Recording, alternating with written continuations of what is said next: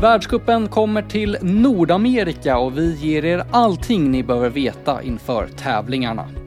Johannes Hösslot Kläbo gästar podden direkt från en massagebänk i Canmore och vi får även en pratstund med både Johanna Hagström och Sveriges landslagschef Anders Byström. Ni lyssnar på Viaplay Vinter Podcast med mig, Ludvig Svan och Anna-Karin Strömstedt. Det är bra! Nu går det för hela Sverige nu! Nummerlappen var inte med. Den hade jag glömt. Nej, idag var det riktiga skidor faktiskt. Alltså, vad gör jag? Det är jättebra! Kom igen nu! Jag ska fan dö över den där jävla mållinjen. Vi är tillbaka och vi har en tävlingsfri helg bakom oss men vi har någonting väldigt spännande framför oss. Världskuppen ska till Nordamerika. Ja, det stämmer. Och eh, jag får inte åka dit, men du ska ju dit och du, jag, kommer att, jag kommer ju att ringa dig hela tiden för jag behöver lite inside information om man säger så. Hur känns det att du inte ska dit då? Ja, men både och. Det är ju, jag vill ju alltid vara på plats. Det blir så mycket lättare när jag kan prata om hur det ser ut och träffa åkare, åka banor. Men eh, lite skönt ändå att slippa flygresan över, det får jag ändå lov att säga. Jag ska, måste ändå resa till Stockholm, så det blir ju resa för mig, men jag behöver i alla fall inte slita med jetlag. Mm, jetlag kan bli en utmaning, men jag är i alla fall supertaggad på att få besöka både Kanada och USA. Men du, efter förra veckans avsnitt när vi hade med Linn Svans tränare Ola Ravald, då berättade du för mig att du och Ola Ravald var borta i Nordamerika för en herrans massa år sedan för att lära amerikanerna att åka skidor. Det här tänker jag att jag vill höra mer om.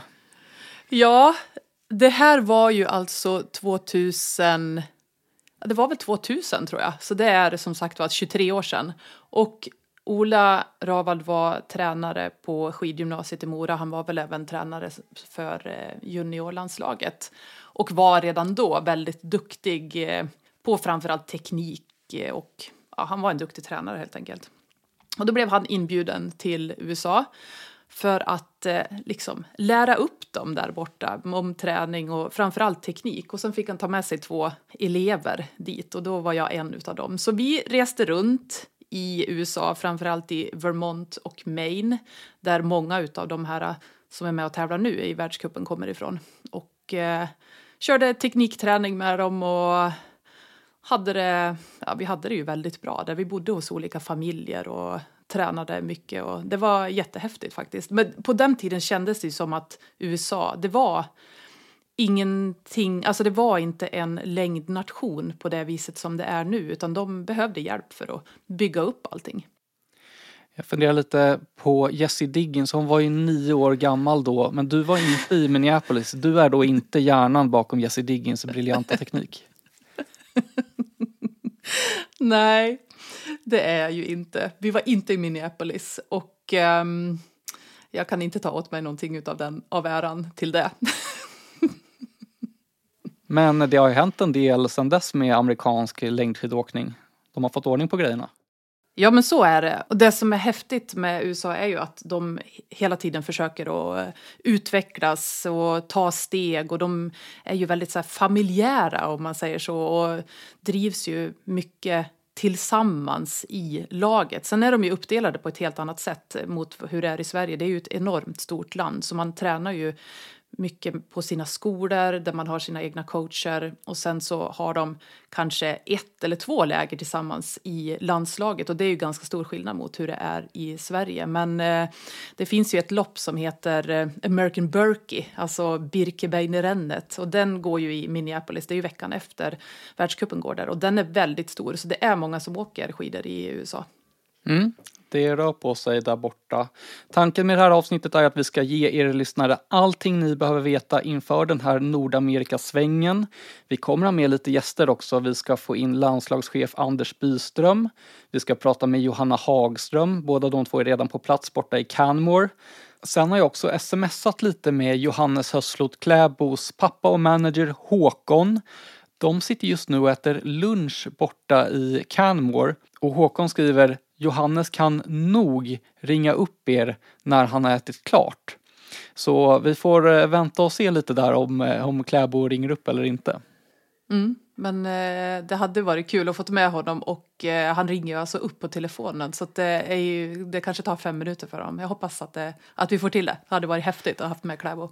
Ja, det blir en liten cliffhanger. Men jag tycker att vi börjar i rätt ände och går igenom vad det egentligen är som väntar där borta i Nordamerika. Första stoppet är Canmore. Där bor det 1500 personer. Det ligger i provinsen Alberta i Kanada, nära Calgary. Och det var ju här som längdtävlingarna avgjordes under OS 1988. Sverige tog två stycken guld. Och du vet vilka, eller hur? Som tog mm. Jag vet det, tänkte jag säga. Nej, jag, nej. Eh, du har läst på så att du får säga. Ja, jag satte det lite på pottkanten där.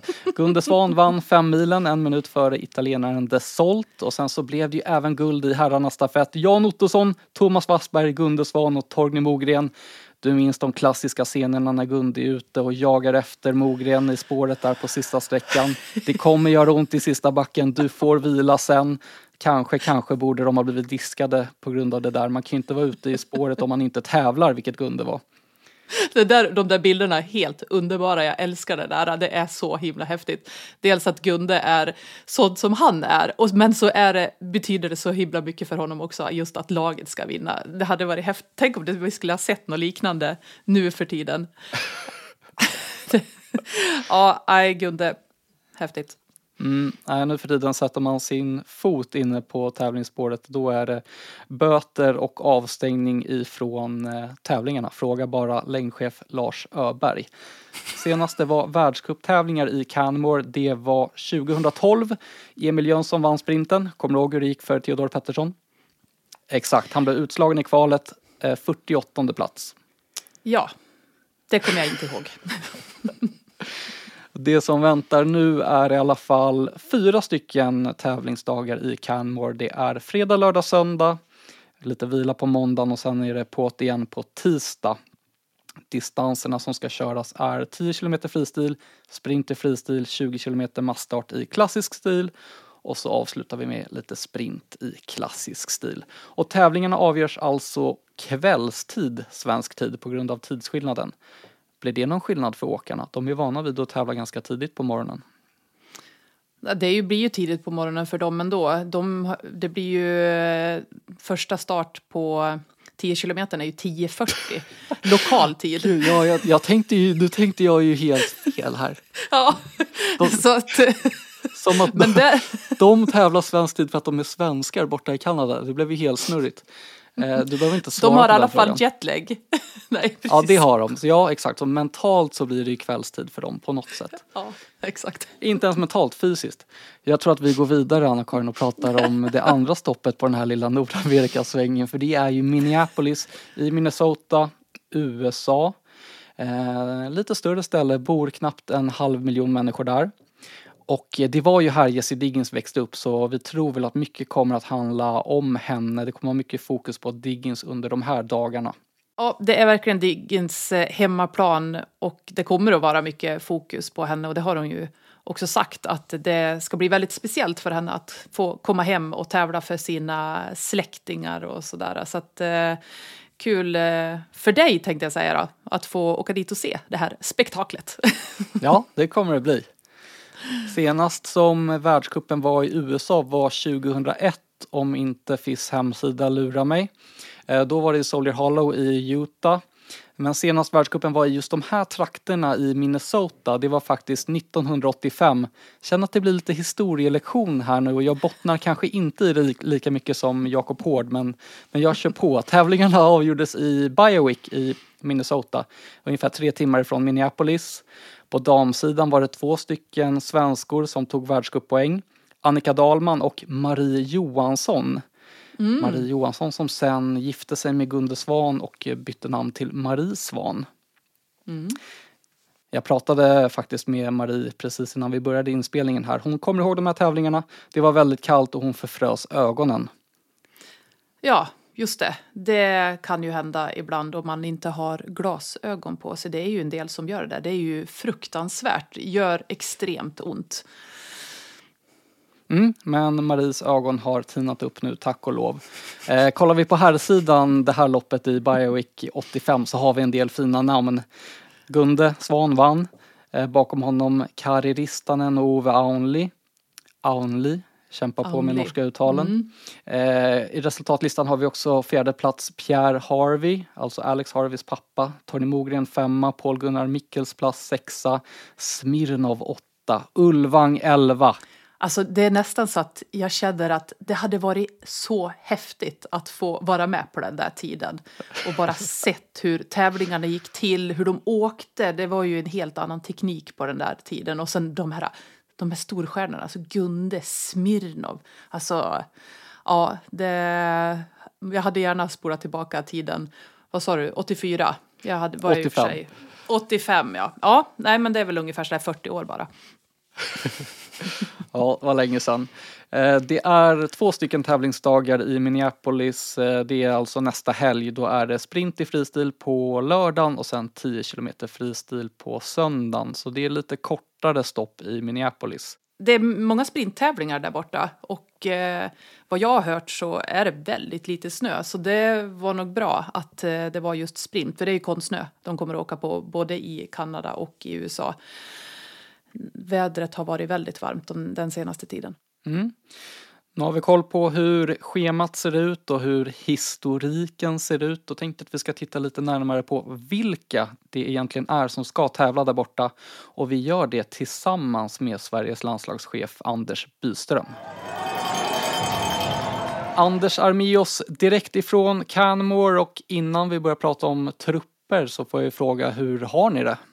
Ja, vi har det jättebra. Det var ju lite jetlag i början, men vi har varit här tre dagar nu och nu börjar det kännas bättre. Så vi var ute på skidor nu här på morgonen, lokal tid.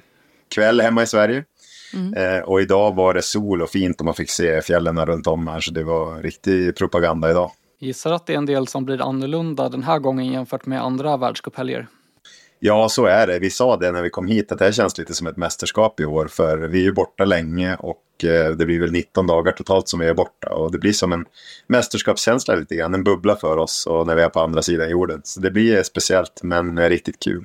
Jag tänkte att vi ska prata lite om vilka det är som ska tävla under de här dagarna borta i Nordamerika. Sveriges trupp består av 16 åkare, det är åtta damer, åtta herrar. Jag kan väl dra igenom dem så att folk får koll på vilka det är. På damsidan kör Ebba Andersson, Maja Dahlqvist, Johanna Hagström, Moa Ilar, Frida Karlsson, Emma Ribom, Jonna Sundling och Linn Svan. Och på herrsidan är det Edvin Anger, Gustav Berglund, Jens Burman, Marcus Grate, Kalle Halvarsson, Johan Häggström, William Poromaa och Oskar Svensson. Hur har du resonerat här, Anders Byström? Oj, det var länge sedan vi resonerade om det. Det var ju innan vi åkte hit. Nej, men eh, vi har, eh, vi bokade åtta plus åtta flygplatser redan i våras tror jag, alltså i somras för att eh, kunna spara lite pengar på det. Så vi har hela tiden sagt att vi kommer åka med åtta tjejer och åtta killar hit. Sen var vi tvungna att välja då, så de som vi tror kan åka både sprint och distans eller de som är riktigt bra i endera eh, grejen så att säga. Och det har vi ju en del som är också. Så vi har väl några som är bara här för att åka sprint och några som bara ska åka distans. Jag tycker vi har fått ihop ett riktigt bra lag och vi vet ju att på damsidan så kan ju de flesta åka både och så att säga. Så där har vi bra, bra täckt. Vad tycker du om den här truppen, Anna-Karin? Ja, men vi sa ju det, Ludde, när vi såg truppen, att det här var en väldigt bra trupp. Det var, det var helt enkelt de bästa namnen och eh, de som har åkt bäst. Det är ju eh, Moa Lundgren som kanske fattas, men eh, åtta namn och eh, då är väl hon kanske den då som inte räcker helt till. Men annars så är det ett väldigt bra lag och det är väldigt kul att det är många som är hybrider i den här truppen som kan åka både, jag tänkte säga skate och klassiskt, men eh, eh sprint och distans. Och det är väldigt kul att Sverige skickar så pass många åkare till Nordamerika. Det reagerade jag på, för det är ju flera andra nationer som väljer att spara in lite grann nu. Eh, Det har varit skriverier om det här, kanske framförallt i Norge. Där har landslagsledningen fått svara på många frågor efter att de valt linjen att bara åkare i Red Group Eh, får åka till världscupen i Nordamerika. Och vad är då Red Group? Det är de 15 bäst eh, rankade åkarna i sprint och distans. Och för de här åkarna så står FIS för ganska stora delar av resekostnaderna. Det jag tror att det är upp till 10 000 kronor som FIS betalar för dem. Så för det norska landslaget så är det mycket ekonomi i de här besluten. Jag, jag tror man ska eh, väl nyansera norska kritiken också lite grann. De har ju faktiskt full trupp här, det vill säga de ställer upp med med det antal åkare de får göra i varje lopp. Men det handlar ju om att man tycker då att man kunde ha skickat så att säga de som är bäst i olika distanser och, och stilar också. Så att eh, jag, jag tycker man får nyansera den lite. Men, eh, nej, men vi har ju tänkt hela tiden att vi ska ha full trupp här. Det har inte varit någon tvekan om det. Sen så förstår jag ju nationerna som har lite pengar. Det kostar ju extremt mycket att åka över hit. Bara flygresan är ju väldigt, väldigt dyr. Så att, eh, man får förstå det också. Jag pratade med Ola Wigenhatses som är för Slovenien här och han har två eller tre utövare med sig och det är ju inte mycket. Liksom. Men det är, det är det de har råd att skicka, det var det budgeten räckte till sa han. Så man får förståelse för det också eh, i den här ja, paketet som det ändå blir då, genom att åka bort hit. För det är ju som sagt USA-tävlingarna också som räknas in i det här. Mm. Du som är på plats nu, eh, och har säkert sett några av åkarna som är där. Ser det ut som att det är fulla lag eller eh, är det fler än till exempel Slovenien då, som åker med färre åkare? Nej, men som du säger, det är inte fulla lag. Utan jag såg Italien var ute och åkte idag och de var inte, inte så, så många. Jag tror det var två tjejer där. Och eh, mm. Frankrike och Tyskland har inte kommit än, så jag vet inte hur de gör. Men nej, men så blir det väl. Och sen får vi ha respekt för att USA och Kanada är i Europa hela vintern också och lägger otroligt mycket pengar på det. Så att man kan inte heller sitta och säga att men, vi ska inte åka dit. Utan jag tycker vi har ett ansvar i alla fall som en av de större skidnationerna att vi är här och har fullt ställ med oss. Mm. Men eh, den här debatten, du har ju följt med säkert på den som har varit i Norge. Det var ju väldigt mycket reaktioner kring det där. Men som du säger, de åker ju ändå med fulla lag och de åker troligtvis också med de bästa. Men hur reagerade du på det där att eh, till exempel då Jan Thomas Jensen i, inte, eller ville betala själv för att få komma till eh, Nordamerika? Ja, nej men jag förstår ju Jan Thomas som har vunnit världscup i år och inte får tävla. Det är ju jättetufft såklart. Men å andra sidan så har ju de här reglerna som jag förstått det var vedtagna redan i, i höstas på deras eh, eh, skidting eller vad det kallas för i Norge. Och de, så alla har ju vetat om premisserna och då måste man ju hålla fast vid dem. Man kan inte hålla på att ändra det i slutet. Även om man gjorde det för tidigt i Ludnitsväng nu då. Men mm. där fanns det ju goda skäl tycker jag till att göra det. Så, nej, men så tufft är det ju i Norge, men vi, vi bor på samma hotell som Norge nu och de har ju definitivt alla de bästa med här så att det kommer att bli tufft motstånd ändå mm. för oss. Ja. ja, jag kollade lite på trupperna. Norge har ju då 7 plus 10 åkare. Sen finnarna, de är i alla fall 10. Fransmännen är 11 och sen är det ju USA och Kanada fyller ju ut. USA kommer ha 12 plus 12 och Kanada 10 plus 16 åkare. Så att eh, det kommer nog ändå finnas en del, eh, en del åkare i startfälten. Så är det, det blir nästan mer än i Europa för att som sagt det blir mycket från nationell grupp här också. Det är jättekul att de får den chansen här nu. Så att eh, det är, vi har varit här i Kalmar i några dagar och det är väldigt mycket folk som är ute och åker skidor här trots att det är lite snö. Och eh, det märks, märks att det är ett stort intresse här. Eh, Frida Karlsson blev stoppad igår på stadion och det var ett gäng på säkert 50 ungdomar som stod och bara skrek nästan och ville ta bild av henne. Så att man ska ha med sig det att i Kanada så är skidor ändå, ändå ganska stort och jag tror att det här blir viktigt för att vi är här nu. Vi vet ju att det kommer att bli mycket folk i USA och att det har sålts mycket biljetter. Hur ser det ut i Kanada? Vet ni någonting om det? Jag har inte hört någonting, men det är klart att Calgary är en stor stad. Det är en, och en halv timme härifrån ungefär. Jag hoppas att det kommer en del folk och tittar. Och det är mycket turister runt i området här. Det finns ju också alpina områden som Banff och Lake Louise här, som, mm. där det är mycket turister. Så jag hoppas att de kan locka hit dem, i alla fall på helgen nu då, när det är sprint på lördagen också. Anders, innan vi släpper dig får du ge oss en uppdatering om eh, status i truppen. Är alla 16 eh, friska, hela, pigga, krya? Ja, de är trötta men pigga och krya. Och eh, Emma Ribom har vi inte fått hit än. Hon är fortfarande i USA i Lake Tahoe hos eh, JC Schoonmaker. Då. Så hon kommer hit imorgon tillsammans med vårt Valla-team som kommer lite senare hit. Men eh, åkarna känns väldigt eh, laddade och, och det, vi körde lite fart idag på några håll också. Och det, det är ju lite höjd här så att eh, många av dem har ju varit på höjd eh, innan nu så att de är ju hyfsat akklimatiserade. Så att, eh, men idag såg det bra ut och ja, vi, vi är klara. Så nu får du ta och palla dig hit Ludde.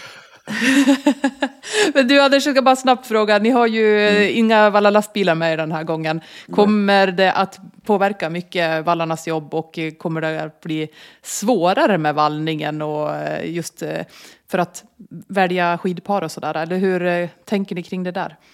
Men bra fråga, men det känns väl väldigt rättvist att alla står i de här vallabodarna nu faktiskt. Det blir ju en fair competition som man säger här borta, att verkligen alla får samma förutsättningar. Sen är det klart att eh, jag pratade med han som hade hand om eh, vallabodarna här. Han sa att de har lagt flera veckor nu på att sanera bodarna. För att ja. de har ju inte haft eh, fluorförbudet här innan heller och inte haft några tävlingar här. Så de har gjort ett jättejobb med det.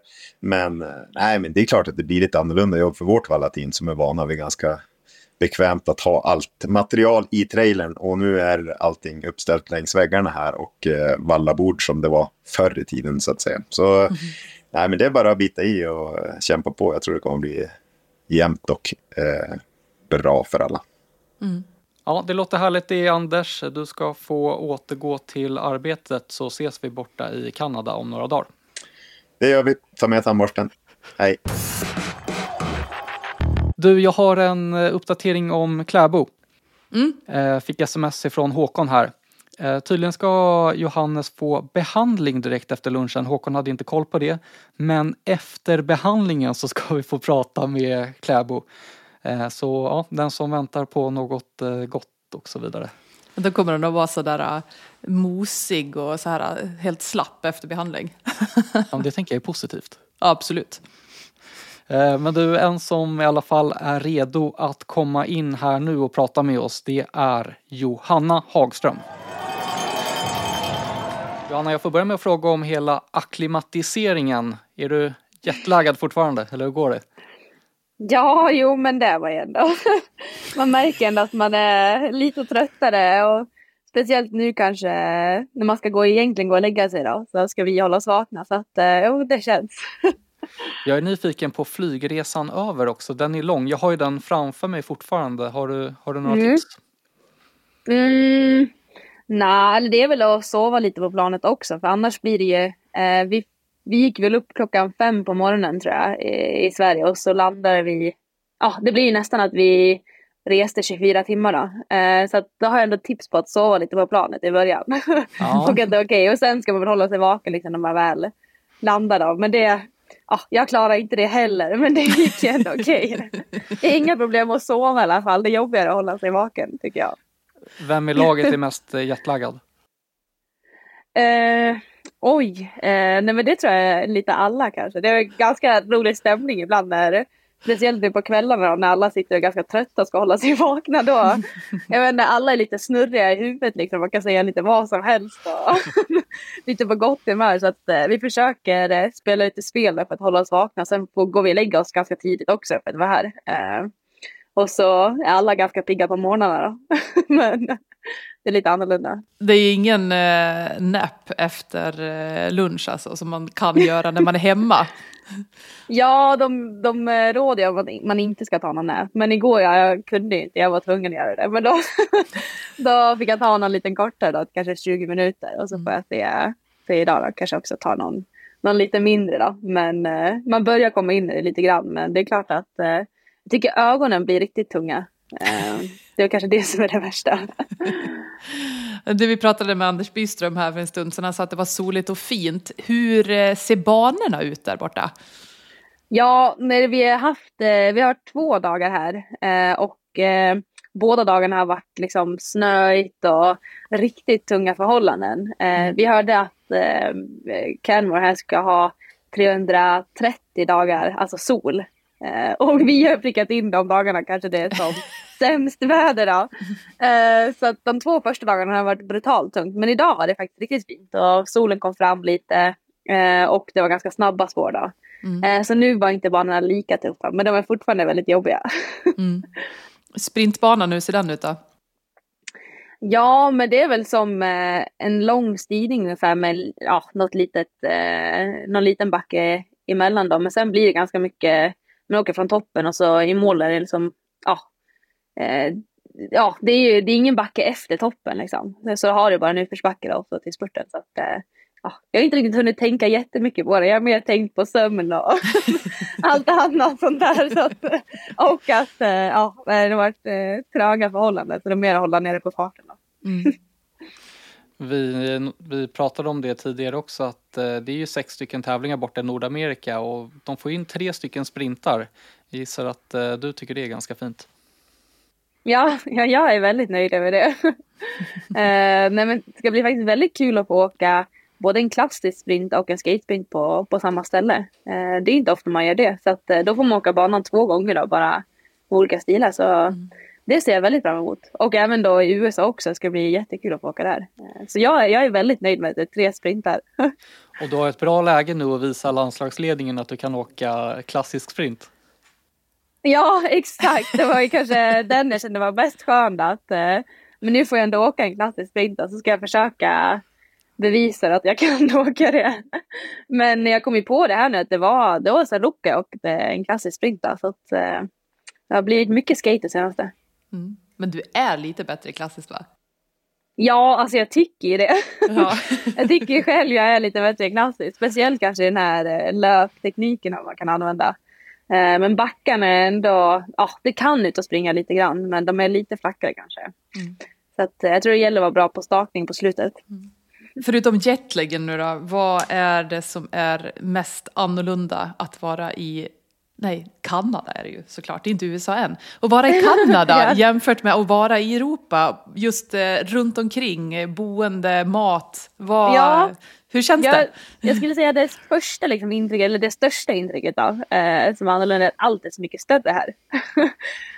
eh, bilarna är jättestora, eh, vi var inne i mataffären, eh, då ja, men de sål, säljer liksom två kilo yoghurtförpackningar och det är liksom ja, men, tre kilo blåbär frysta. Alltså det är sån här allting i big size ungefär.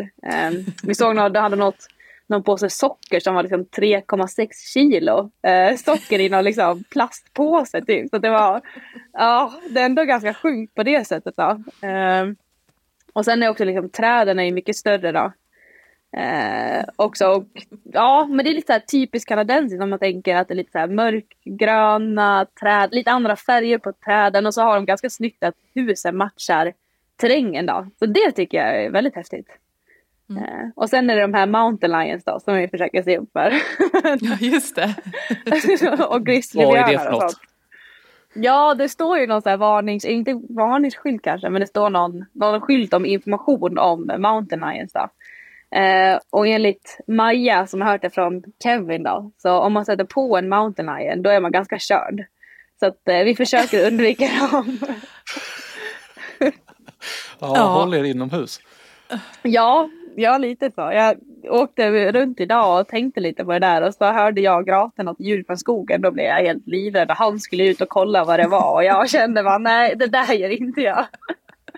Vet Men... ni hur de ser ut?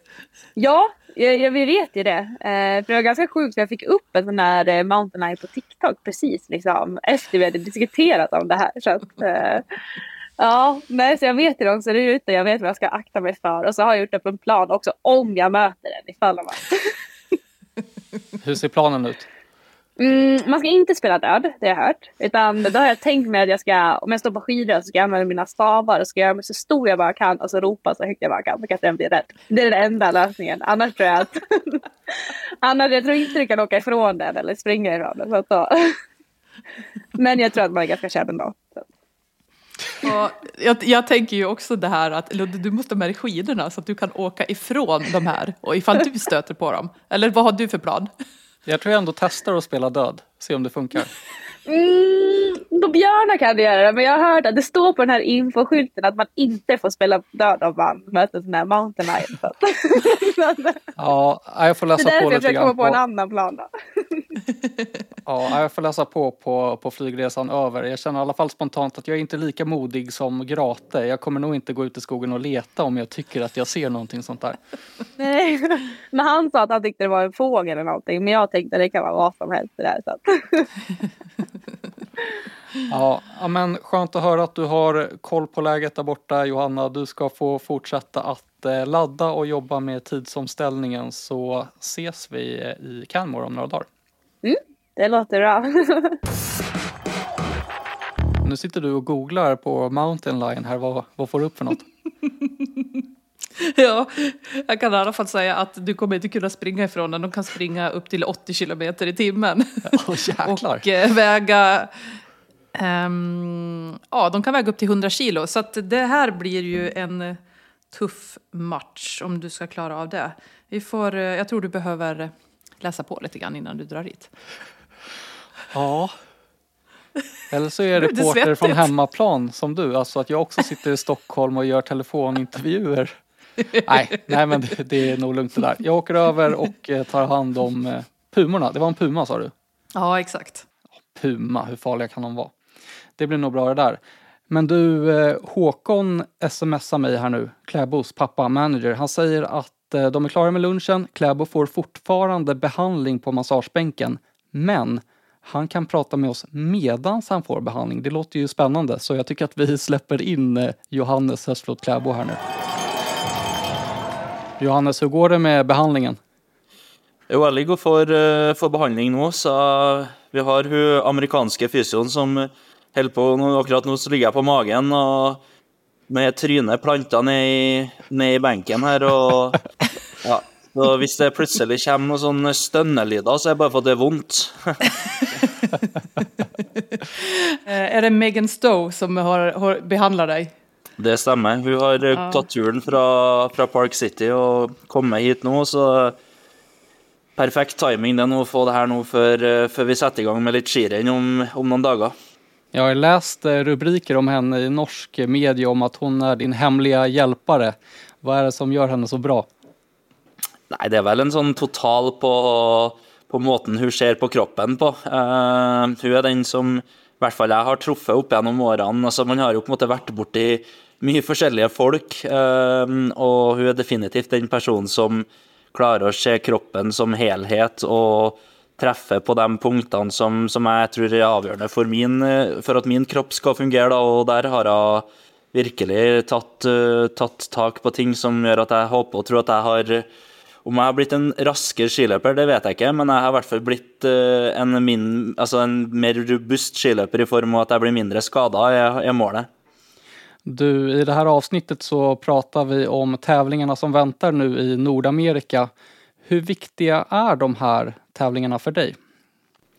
For meg så er de jo, er de jo viktige i form av at det er, et, det jo en spennende konkurranse i, i Nord-Amerika, både her i Canmore, men også i, i Minneapolis, hvor det, det skal gås skirenn på Det er vel første gang i USA på 20 år, eller noe sånt. Eh, Og det er klart, eh, for min del som har vært litt i USA og trent gjennom sommeren og høsten eh, i de siste et par sesongene nå, og det er jo ingen tvil om at vi, vi er jo veldig avhengig av de amerikanerne. Og det å se at de har solgt så mange billetter, så gjør det jo at det er et veldig Noe jeg tror alle utøvere ser frem mot å komme til Minneapolis og, og konkurrere der. Ja, det känns som du är en åkare som tänker en del på sportens utveckling och det marknadsmässiga. Hur, hur viktig är Nordamerika som marknad skulle du säga? Jeg vil jo si at det er superviktig. Det, det er klart, eh, det å få opp interessen her og kunne få, um, få jevnlig et skirenn på, på denne sida av Atlanteren burde vært, eh, burde vært en del av FIS-kalenderen hvert år. og jeg synes eh, Det blir veldig spennende nå å se hva de klarer å varte opp med på, på skirenn der, både her nå helga her, men også i, i Minneapolis neste helg. og det er klart, eh, For sportens del så er vi helt avhengig, av å ha kule plasser det arrangeres skirenn på, men også ha en interesse større enn bare Norge og Sverige. og Det, det tror jag jo at eh, er viktig for, for at sporten skal kunne fortsette å, å utvikle seg. og Vi ser jo at eh, det som Jesse har gjort i år med å lede verdenscupen og vært så stabilt god, eh, och og i tillegg du ser på herresida, så har vi det er vel to eller tre pallplasser nå på herresida som virkelig har tatt steg på fra, fra USA. Så, så er jo det veldig artig og gledelig for, for sporten, sånn som jeg ser det. Du har ju med dig Håkon också, pappa, manager. Blir det några business, business meetings där borta? Ja, Det må nästan han svara på, det, det vet jag inte. Men eh, han, akkurat nu så må jeg jo si at mest glad för att han är här med tanke på, på det och tillrättalägga med, både med Meggen, som de har en lägenhet där de bor, eh, så det är lätt för mig, rätt att med hotellet, så rett for meg, lett for meg å bare hit och få behandling, få får god mat eh, och, och så vidare. Så det, det är det viktigste. Og så tror jeg han ser fram mot Vi har jo jeg må si Vi har jo hatt veldig mye kontakt med dem som vi har jobba tett med i USA når vi har vært der på samling. och og alle dem kommer jo til, til Minneapolis, så det blir jo trivelig å se dem igjen og, og hilse på dem. Og så vet jeg jo hvor, hvor hjelpsomme de er både når det kommer til det ene og andre når vi er på samling. Så ehm, jeg regner med at han skal ha noen, noen middager der. Hur tycker du det är att vara i USA och träna och tävla?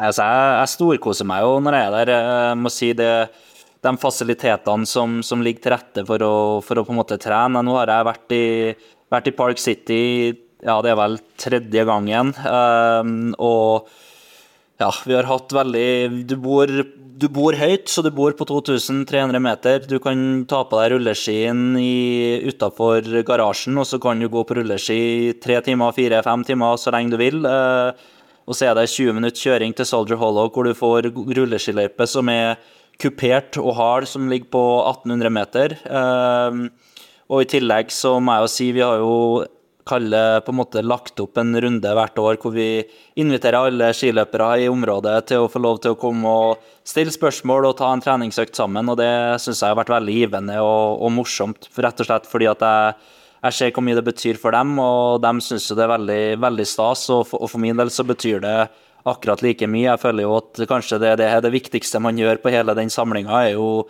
å bruke den ene dagen og, og, treffe dem og få lov til å svare på litt spørsmål. og Det er klart, det er jo litt andre kulturer både i USA sammenlignet med Norge og Sverige, og hvordan eh, man trener. og ja, I Norge og Sverige så finner du jo skiløpere på hvert gatehjørne, mens eh, i USA så er det kanskje litt, uh, litt vanskeligere å finne dem. og da, da, føler jeg at det er viktig at man er flink til å ta vare på dem. og det det tror jeg jo har, har virkelig hjulpet i Soldier Hollow också. Mm. Du Johannes, om vi tittar på tävlingarna som väntar så hoppas vi i Sverige att någon av de svenska herrarna ska göra någonting bra. Det har gått ganska tufft för dem på, på sista tiden. Om du får välja ut en svensk herråkare som du tror kan överraska och ta sig upp på pallen i Nordamerika, vem säger du då? Jeg må jo si, hvis eh, William kommer tilbake i godt gammelt slag og klarer på den eh, fellesstart klassisk, så er jo det, ehm, det er jo en eh, distanse han liker. Og du så jo i ja, Man så jo i Davos, nei, i Davos, ja, i Val di Fiemme under Tour de Ski ehm, at ehm, han har, jo, han har jo kapasiteten. Så gitt at han klarer å få, få litt fart på, fart på skrotten, så, så, må jeg jo si han. Og så, og så er det jo spennende å se om på sprintsida om de klarer å, å, få noen lenger inn kvartfinale nå. Vi må jo håpe at vi kan ha noen svenske i en finale. og Det hadde, vært, eh, hadde jo både vært artig og, og morsomt for, for, alle, det egentlig. Edvin Anger har jo vært på pallen i år. Ja, så han er jo definitivt en mann som, eh, som man tenker på spesielt i sprint, hvor man må håpe og tro at kan være med og, og kjempe igjen eh, om finaleplass, definitivt. Altså, Johannes, jeg måtte bare spørre om eh alltid när vi sitter och kommenterar och så får vi massa spörsmål om eh, dig och hur duktig du är på att köra nedover, din teknik, taktik och det ser ju så lätt ut. Hur mycket tränar du på just de här delarna? Att liksom finna positionerna när du kör en eh, sprint. För att eh, för oss som sitter vid sidan av så ser det ut som att det är helt naturligt. Men jag räknar med att du lägger ganska mycket tid på att vara bäst på just det här.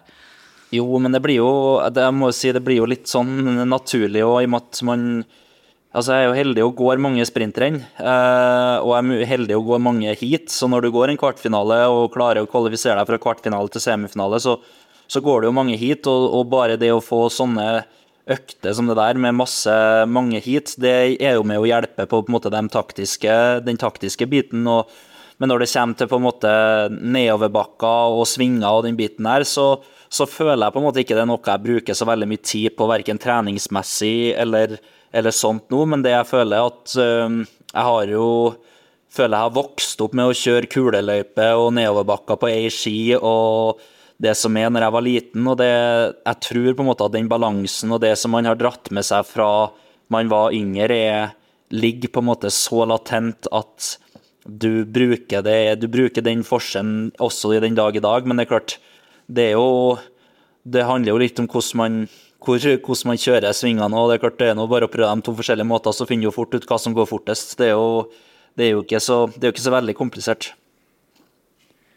Du, är Megan lite snäll mot dig? Det går oväntat bra att prata. Ja, altså, jeg har sagt at du skulle ta det litt lugnt her nå, så, vi, så det ikke blir bare stønninger på den podkasten. ja. Men hon, jag har läst en artikel här någon gång och då beskrev hon att du har massa superkrafter och magi i kroppen. Vad, vad menar hon då?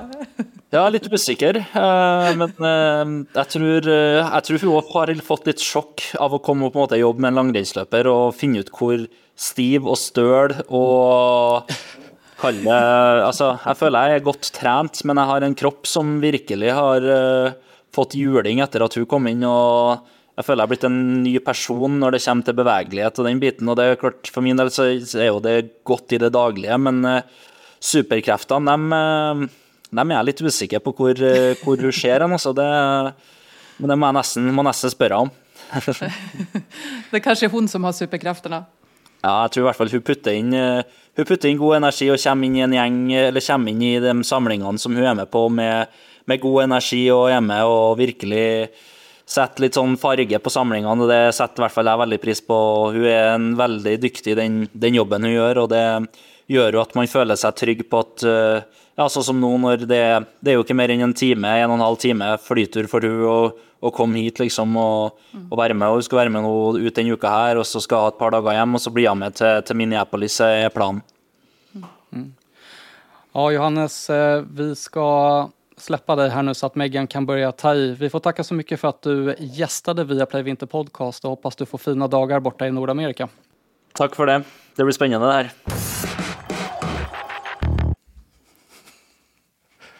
Du skrattar här, vad tänker du på? Nej, jag, eh, det hade varit kul att eh, haft eh, hela videon på honom när han ändå ligger där och får behandling. Ja, i vanliga fall har vi ju video på våra gäster, men inte den här gången. Vi hade ju räknat med att han skulle vara färdig, men du måste ju vara uppe i snart tre timmars behandling. Det är ganska häftigt alltså. Ja. häftigt säger man på norska. Det är ganska tufft att köra tre timmars behandling. Jag kan meddela att det slank in en del norska ord från Anna-Karin Strömstedt när vi pratade med Kläbo. Ja, men det kan ju inte varit så många. Nej, vi får räkna dem i efterhand, men det var en del. Ja. Eh, men jag hoppas att, eh, att de som lyssnar hängde med i svängarna i alla fall. Men du, det har blivit dags att eh, runda av det här avsnittet. Vi får påminna om att allting drar igång borta i Nordamerika nu på fredag. Missa inte det. Det är 10 km fristil först ut. Klockan 18.15 börjar vi sända på fredag. TV6 och Viaplay. Sen börjar loppet 18.40. Du sa i början av avsnittet att du inte får åka. Du lät lite besviken, på gränsen till grinig. Men det blir väl bra även om du kommenterar ifrån Stockholm, eller? Ja, det blir... Eh... Precis, jag försöker sitta här och säga att det blir bra.